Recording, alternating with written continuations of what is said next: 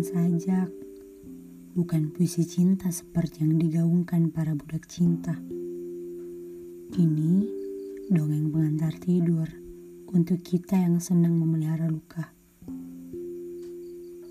Setiap manusia punya timeline menikmati lukanya masing-masing. Entah itu di antara sesak keramaian, namun selalu merasa kesepian.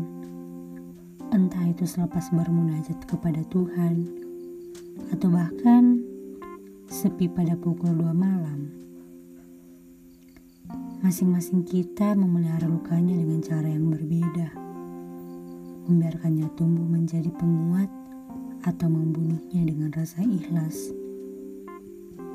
Tidak apa-apa, karena beda insan, beda pula lukanya. Tidak seharusnya membandingkan dengan manusia lain. Kita punya fase dan prosesnya sendiri. Proses yang gak banyak orang tahu. Proses yang buat kita tetap tumbuh hingga di titik sekarang. Kamu, aku, kita tetap tumbuh jangan tumbang.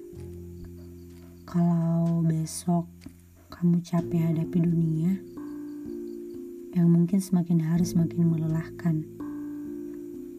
Kamu perlu ingat satu hal, entah di belahan bumi yang mana, kamu gak pernah tahu ada satu orang yang mendoakanmu, beruntung mengenalmu, dan selalu ingin kamu untuk tetap baik-baik saja. Aku percaya itu.